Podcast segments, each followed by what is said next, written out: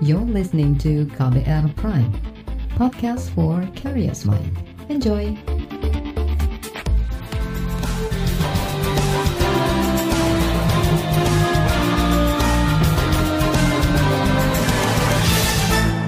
Halo saudara, senang sekali kami bisa menyapa Anda kembali dalam program KBR Sore, edisi Senin 9 November 2020. Saya Sindu Darmawan kembali menemani Anda selama kurang lebih 30 menit ke depan. Sore ini kita membahas pembatasan sosial berskala besar PSBB transisi di DKI Jakarta yang kembali diperpanjang hingga pekan ketiga November mendatang. Bagaimana upaya pemerintah DKI Jakarta meningkatkan strategi 3T, yaitu tes, lacak, dan isolasi, bagaimana pula dengan daerah lain, dan apa upaya untuk meningkatkannya. Saudara Pemprov DKI Jakarta kembali memperpanjang pembatasan sosial berskala besar PSBB transisi selama dua pekan ke depan hingga 22 November mendatang. Sepanjang hari Minggu kemarin ada penambahan 800-an kasus baru positif COVID-19 di ibu kota.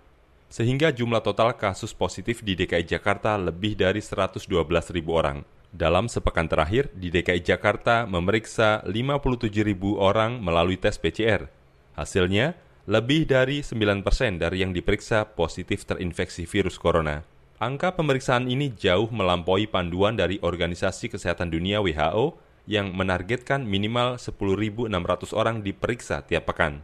Gubernur DKI Jakarta Anies Baswedan mengatakan, pelonggaran sejumlah sektor selama PSBB transisi akan diimbangi dengan menggencarkan 3T atau testing, tracing, dan treatment untuk menangani pandemi COVID-19. Keputusan melakukan sejumlah pelonggaran selama PSBB transisi juga dikarenakan tingkat kasus positif secara keseluruhan di DKI menurun, terutama dalam dua pekan terakhir. Karena di Jakarta ini mobilitas penduduknya itu lintas wilayah. Pagi tinggal di Jakarta Timur, siangnya bekerja di Jakarta Barat, malamnya kegiatan di Jakarta pusat. Jadi uh, orang itu mobilitasnya tinggi. Itu menjadi relevan kalau Anda berada di wilayah yang pagi, siang, sore, malam, Anda di satu wilayah yang sama. Jadi masih kita harus lihatnya angka Jakarta secara keseluruhan bahkan Jabodetabek secara keseluruhan karena sudah terintegrasi. Karena itulah kita melihat penting sekali bagi sisi pemerintah melaksanakan 3T dengan serius, meningkatkan kemampuan testing, melakukan tracing secara optimal, dan melakukan isolasi serta treatment pada mereka yang terpapar. Tapi di sisi masyarakat juga perlu melakukan 3M dengan serius, memakai masker secara konsisten, mencuci tangan rutin, menjaga jarak. Ini dijalankan sama-sama tujuannya untuk penularan COVID ini terkendali, nanti efeknya pada perekonomian. Sementara itu, Wakil Gubernur DKI Jakarta Ahmad Riza Patria meyakini Selama pemerintah dan masyarakat bekerja sama, maka penyebaran virus corona bisa dapat dikendalikan ada perbaikan-perbaikan dan peningkatan-peningkatan terkait PSBB ya. Angka kesembuhannya terus meningkat, angka kematian terus menurun, kasus positif, kasus aktif positif aktif juga terus menurun. Jadi alhamdulillah eh, berkat dukungan semua pihak masyarakat angkanya semakin membaik ya. Mudah-mudahan kerjasama yang baik dari kita. Tugas pemerintah melakukan 3T, testing, tracing, dan treatment, isolasi, perawatan, dan sebagainya. Tugas masyarakat bersama-sama dengan kita melaksanakan 3M ya memakai masker menjaga jarak dan mencuci tangan. Jadi mudah-mudahan kita terus bisa bekerja sama. Wakil Gubernur DKI Jakarta Ahmad Riza Patria menambahkan, selama dua pekan mendatang, pemerintah akan memberikan izin pembukaan bioskop dan izin menyelenggarakan resepsi pernikahan. Syaratnya, semua kegiatan itu harus mengikuti aturan pembatasan. Misalnya, bioskop hanya melayani 50% dari kapasitas studio sedangkan resepsi hanya mengundang 25 persen dari kapasitas daya tampung gedung. Dengan terus melanjutkan pelonggaran sebagaimana dua minggu terakhir, dengan menambah e, beberapa unit e, kegiatan yang dibuka, di antaranya adalah resepsi pernikahan, yang sebelumnya belum dimungkinkan di dua minggu depan dibuka resepsi pernikahan. Tentu dengan ketentuan syarat-syarat yang telah diatur, jadi dimungkinkan ke depan selain akad nikah di gedung atau di tempat-tempat lainnya juga dimungkinkan diberi kesempatan untuk resepsi pernikahan dengan syarat dan ketentuan yang diatur. Tetap melaksanakan protokol COVID yang ketat. Itu tadi Wakil Gubernur DKI Jakarta Ahmad Riza Patria. Saudara, di bagian berikut kami hadirkan laporan khas KBR mengenai inisiatif gerakan sejuta tes antigen. Laporannya akan hadir usai jeda, tetaplah di KBR Sore. You're listening to KBR Pride, podcast for curious mind. Enjoy!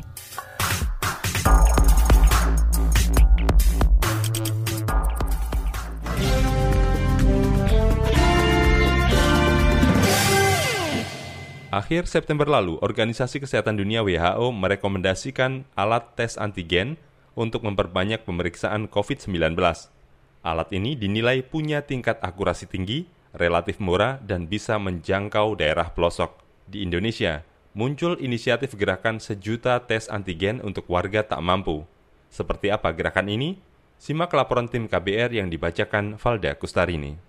Akhir Oktober lalu, muncul Gerakan Solidaritas Sejuta Tes Antigen untuk Indonesia. Inisiatornya dari Gerakan Indonesia Kita atau GITA. Gerakan itu bertujuan memfasilitasi penyediaan alat tes cepat antigen secara cuma-cuma bagi warga tak mampu. Ini sekaligus meningkatkan kapasitas tes di Indonesia yang masih rendah. Komite Gerakan Solidaritas, Alif Iman Nur Lambang. Kami ingin sebanyak mungkin orang melakukan pengujian terhadap tubuhnya apakah sudah terpapar virus penyebab COVID-19 atau belum. Karena kita saat ini kan sudah mulai banyak yang beredar ke mana-mana. Dan jauh sebelum itu kita memang juga tidak tahu sebetulnya seberapa tinggi penularan COVID-19 di Indonesia, mengingat angka yang dilaporkan setiap hari, itu kan agak kurang reliable. Tes usap antigen dipilih karena tingkat akurasinya tinggi. Kelebihan lain, alat tes ini dapat menjangkau daerah-daerah yang tak memiliki laboratorium PCR. Tentu saja, ia tidak menggantikan PCR tes, tetapi Ya, WHO menegaskan atau merekomendasikan agar uh, alat swab antigen yang memiliki akurasi di atas 80% itu bisa digunakan terutama di tempat-tempat yang memang sulit sekali memiliki alat atau laboratorium PCR. Sejumlah tokoh ambil bagian dalam gerakan ini, di antaranya epidemiolog Panduryono, aktivis perempuan Anita Wahid, hingga sutradara film Joko Anwar. Mereka menggalang donasi dari masyarakat, baik individu maupun lembaga. Dana yang terkumpul dibelikan alat tes antigen dan didistribusikan ke puskesmas di seluruh Indonesia. Alif memastikan bakal memprioritaskan kerjasama dengan produsen alat tes antigen dalam negeri, asalkan sudah mendapatkan izin edar dari Badan Pengawas Obat dan Makanan.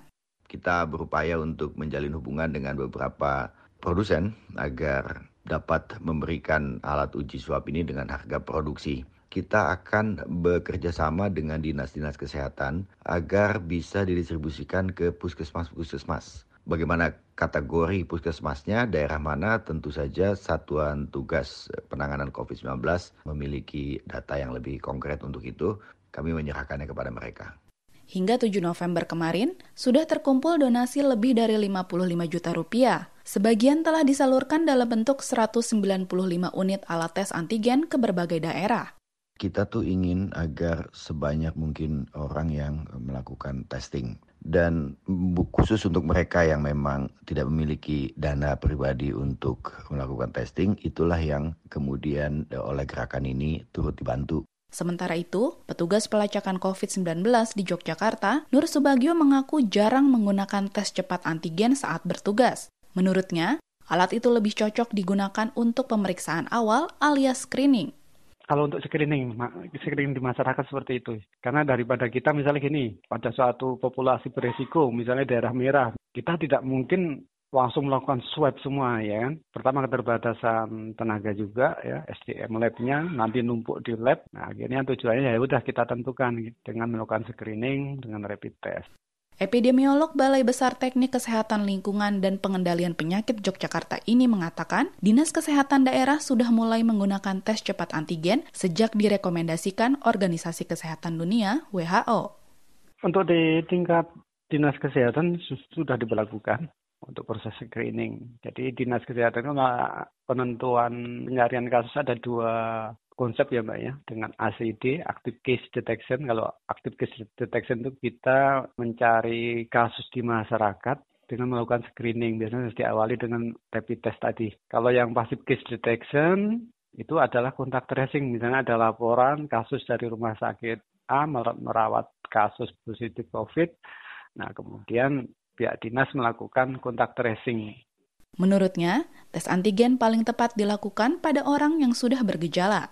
Antigen itu reaksi tubuh ketika terinfeksi itu biasa muncul setelah hari ke-14 ya di hari di atas hari ke-10.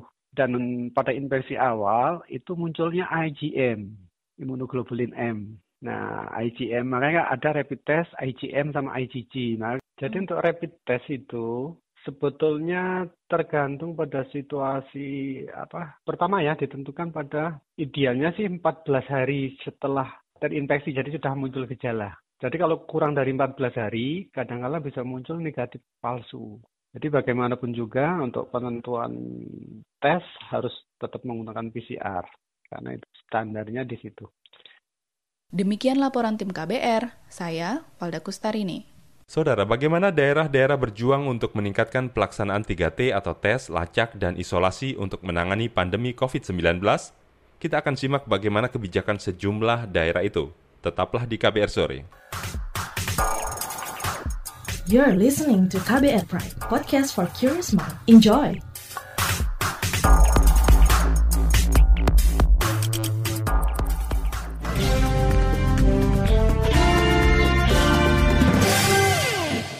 Terima kasih Anda masih bersama kami di KBR Sore. Saudara, pada awal pandemi COVID-19, tes swab atau PCR masih rendah karena kurangnya peralatan dan bahan pendukung lain. Kini, semua kekurangan itu sudah semakin bisa diatasi.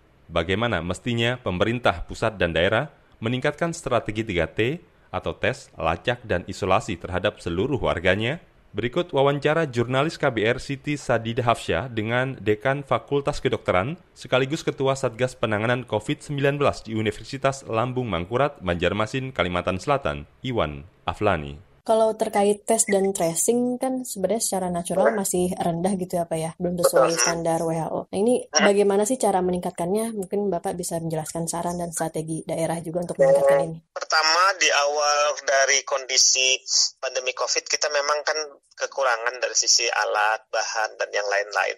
Namun eh, sekarang nampaknya hal-hal tersebut sudah bisa teratasi. Tinggal nanti apakah ada goodwill atau political will dari setiap daerah itu untuk meningkatkan angka tersebut. Justru tidak tepat kalau pada saat ini misalnya dengan isu pilkada, dengan isu-isu yang lain kita menurunkan upaya, upaya testing kita, tracing kita diturunkan. Justru sebab kalau kita ingin sedapat mungkin secepat mungkin keluar dari pandemi ini, justru kita harus memperketat protokol kesehatan dan meningkatkan testing dan tracing pada saat ini ya. Jadi tergantung dari kepala daerahnya nih harus benar-benar uh, mengupayakan habis-habisan tuh untuk meningkatkan bukan menurunkan testing. Tadi di awal katanya banyak kendala di alat gitu ya Pak misalnya. Kalau sekarang tuh sebenarnya di lapangan apa sih Pak kendalanya? Uh, sudah jauh lebih baik untuk alat-alat dan lain-lain itu bahkan tenaga-tenaga SDM pun kan sudah dilatih dan mereka sudah terlatih. Kemudian tadinya hanya beberapa rumah sakit atau beberapa laboratorium yang mampu. Sekarang hampir semuanya sudah bisa melakukan, terutama rumah sakit-rumah sakit yang menjadi rujukan untuk testing ini. Kalau dulu kita bermasalah dengan alat RT-PCR gitu ya, komponen alat, bahan dan lain-lain, nampaknya sekarang itu sebenarnya tidak tidak boleh jadi alasan lagi pastinya kita mampu. Bahkan kecepatan tes pun kalau dulu kita mungkin ada yang dua minggu, ada yang satu minggu baru selesai, sekarang kan dua tiga hari sudah kita mendapatkan hasilnya. Seperti itu. Jadi relatif hal-hal yang menjadi permasalahan di awal pandemi pada dasarnya itu sudah mulai terurai dan sudah bisa teratasi. Tinggal sekarang kita mau ke mana dan kita seserius apa kita untuk melakukan upaya-upaya tersebut. Kalau di Banjarmasin dan Kalsel sendiri termasuk zona oh. oranye gitu ya Pak ya? Ah, zona oranye.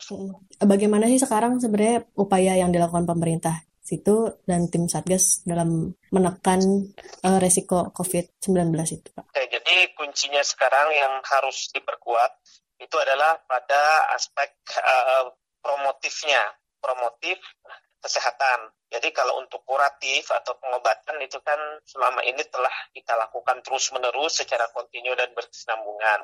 Nah, untuk uh, aspek promotif ini juga tidak bisa kita abaikan dan ini justru yang harus menjadi titik sentral penanganan sekarang. Kenapa? Karena transmisi COVID-19 ini kan berdasarkan penularan dari satu manusia ke manusia yang lain. Nah, bagaimana cara menekan transmisi ini? Salah satu jalan yang paling efektif adalah perubahan perilaku. Jadi, dari perilaku yang tidak taat terhadap protokol kesehatan harus menjadi uh, perilaku yang taat terhadap protokol kesehatan. Itu tadi Iwan Aflani, Dekan Fakultas Kedokteran sekaligus Ketua Satgas Penanganan COVID-19 di Universitas Lambung Mangkurat, Banjarmasin, Kalimantan Selatan. Sementara itu, Satgas Penanganan COVID-19 meminta pemerintah daerah agresif melakukan penelusuran virus corona. Hal itu disampaikan Kepala Bidang Penanganan Kesehatan Satgas COVID-19, Alexander K. Ginting, saat rapat koordinasi COVID-19 di Provinsi Kalimantan Utara baru-baru ini. Berikut pernyataan Alexander. Kontak tracing agresif harus tetap dilaksanakan di tingkat kecamatan, di tingkat puskesmas dalam rangka menghentikan penularan. Salah satu inilah instrumen yang bisa kita lakukan sehingga pada kasus-kasus yang kontak erat dan yang terkonfirmasi bisa kita lakukan pengobatan ataupun diisolasi dalam rangka menekan angka kematian dan angka kesakitan, baik yang di rumah sakit maupun yang ada di komunitas. Salah satunya adalah dengan mengirimkan pasien secara cepat dan tepat dengan gejala ringan ke rumah sakit ataupun ke klinik. Jangan sampai di fase kedua, fase ketiga baru dikirim sehingga persoalannya semakin sulit. Oleh karena itu, kita harus mengajar masyarakat, mensosialisasikan ke masyarakat bila ada gejala, batuk, pilek, demam, sesak, seharusnya segera ke rumah sakit. Itu tadi Kepala Bidang Penanganan Kesehatan Satgas COVID-19 Alexander Kaginting.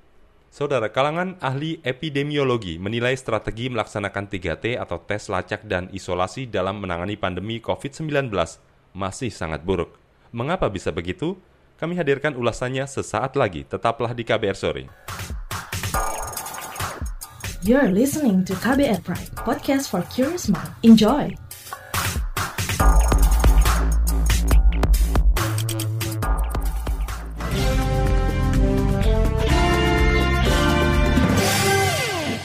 Anda masih mendengarkan KBR Sore. Saudara, strategi pelaksanaan 3T atau tes, lacak, dan isolasi dalam menangani pandemi COVID-19 di tingkat daerah sampai saat ini masih dianggap buruk. Strategi itu harus segera diperbaiki. Epidemiolog dari Universitas Pajajaran Bandung, Panji Fortuna Hadi Sumarto mengatakan, strategi 3T harus sesuai standar Organisasi Kesehatan Dunia WHO. Pemerintah daerah harus memperbanyak tes COVID-19 baik dengan rapid test antigen maupun tes usap atau PCR. Bisa juga dengan menambah relawan untuk pelacakan kontak dan memberikan bantuan sosial, serta mengawasi secara ketat pasien COVID-19 yang menjalani karantina mandiri. Berikut wawancara jurnalis KBR Mutia Kusumawardani dengan epidemiolog Universitas Pajajaran Bandung, Panji Fortuna Hadi Sumarto. Ini bagaimana evaluasi Anda terkait pelaksanaan 3T di daerah-daerah di Indonesia? Uh, ya, saya, saya pikir kalau sampai sekarang ya kita uh, mas malah ada kecenderungan menurun ya dibandingkan uh, beberapa waktu uh, bahkan kita sempat turun kira-kira satu minggu yang lalu ya atau sebelum libur panjang lah itu jumlah testing juga menurun. Um, kalau memang di beberapa tempat seperti Jakarta ini sudah lebihi standar WHO. Jadi uh, yang kita harus lihat juga itu bukan hanya jumlah testing ya. Ada beberapa indikator yang harus kita lihat secara uh, bersamaan dan kita interpretasikan secara bersamaan. Jadi uh, pertama jumlah testing itu kita harus lihat dari konteks siapa yang dites. Dari siapa yang dites ini kita harus lihat uh, berapa banyak kasus yang dites ini datang dari kontak erat. Kemudian berapa banyak yang dari uh, suspek ya. Kalau diharapkan kalau bukan hanya jumlah tesnya tinggi, tetapi kita juga bisa uh, mengidentifikasi sebagian besar kasus itu dari kontak erat yang sudah diidentifikasi sebelum. Jadi uh, ini uh, tracing ya, masalah tracing. Jadi sebenarnya uh, kalau kita lihat indikator yang direkomendasikan WHO ada uh, harapan bahwa sekitar setidaknya 80% lah ya kontak erat itu teridentifikasi dalam waktu 72 jam lah Nah, kemudian, nah nanti uh, yang ketiga adalah kita lihat juga dengan karantina dan isolasinya. Ini Pak, tadi kan penilaian Anda di 3T itu masih Oh, tertinggal begitu ya Pak. Ini dampaknya Pak untuk penanganan pandemi COVID-19 di Indonesia apa sih Pak? dampaknya kalau kalau masih kurang ya eh, artinya kurang itu bukan hanya tidak memenuhi standar WHO tapi juga tidak sesuai dengan kondisi epidemiologisnya yang yang akan terjadi adalah transmisinya akan meningkat terus jadi misalnya begini ya testing tracing kembali ke 3T ya saya saya akan sandingkan ya kalau testingnya kurang atau eh, positivity rate-nya masih tinggi ya Eh, artinya besar kemungkinan kita itu tidak berhasil mengidentifikasi kasus-kasus yang ada di masyarakat. Nah, kalau ada kasus yang tidak teridentifikasi, artinya dia tidak bisa eh, diisolasi. Kalau dia tidak diisolasi, artinya dia akan menjadi sumber penularan. Nah, jadi kalau kita testingnya rendah, kita eh, berpotensi eh, membiarkan sumber penularan itu menyebabkan penularan. Nah, kemudian tracing Apa rekomendasi Anda kepada pemerintah agar dapat memenuhi 3T sesuai standar minimal WHO itu Pak? ya rekomendasinya ya ditingkatkan kapasitasnya ya Mbak ya karena kita belum belum lepas dari ancaman ledakan kasus ya Nah, karena kan jumlah orang yang rentannya masih banyak dan kasusnya kan masih banyak juga. Saya pikir yang lebih spesifik untuk testing misalnya ya untuk testing ini em, pertama eh, untuk PCR eh, tolong dipikirkan strategi yang lebih efisien untuk eh, meningkatkan kapasitas. Ini salah satu yang perlu dipikirkan adalah penggunaan pool testing ya, pool testing atau group testing. Yang kedua adalah menggunakan rapid test antigen. Rapid test antigen selama ini kita kan pakai rapid test antibody itu untuk testing ya. Nah, kalau untuk tracing ya memang saya pikir eh, tenaga tracingnya harus ditambah ya. Eh, intinya ini harus harus dipenuhi sampai cukup. Nah lag- lagi-lagi sampai cukup. Jadi kadang-kadang eh, ada angka standar, tapi standar ini jangan dilihat sebagai aspirasional, tapi dilihatnya sebagai standar minimal. Itu tadi epidemiolog Universitas Pajajaran Bandung, Panji Fortuna Hadi Sumarto. Saudara, berdasarkan standar Organisasi Kesehatan Dunia WHO, kapasitas tes COVID-19 minimal 1.000 orang per 1 juta orang penduduk per pekan. Kepala Bidang Pengembangan Profesi Perhimpunan Ahli Epidemiologi Indonesia, PAEI, Mas Dalani Pane mengatakan, setiap daerah harus meningkatkan kapasitas pemeriksaan sesuai standar WHO itu. Jika angka pemeriksaan rendah, maka bisa menimbulkan kesan terjadi penurunan jumlah kasus positif harian. Akhirnya saudara, sampailah kita di penghujung acara KBR Sore edisi Senin 9 November 2020. Pantau selalu informasi terbaru melalui situs kbr.id, Twitter kami di akun @beritaKBR, serta podcast di alamat kbrprime.id. Saya Sindu Darmawan bersama kerabat kerja yang bertugas undur diri. Salam.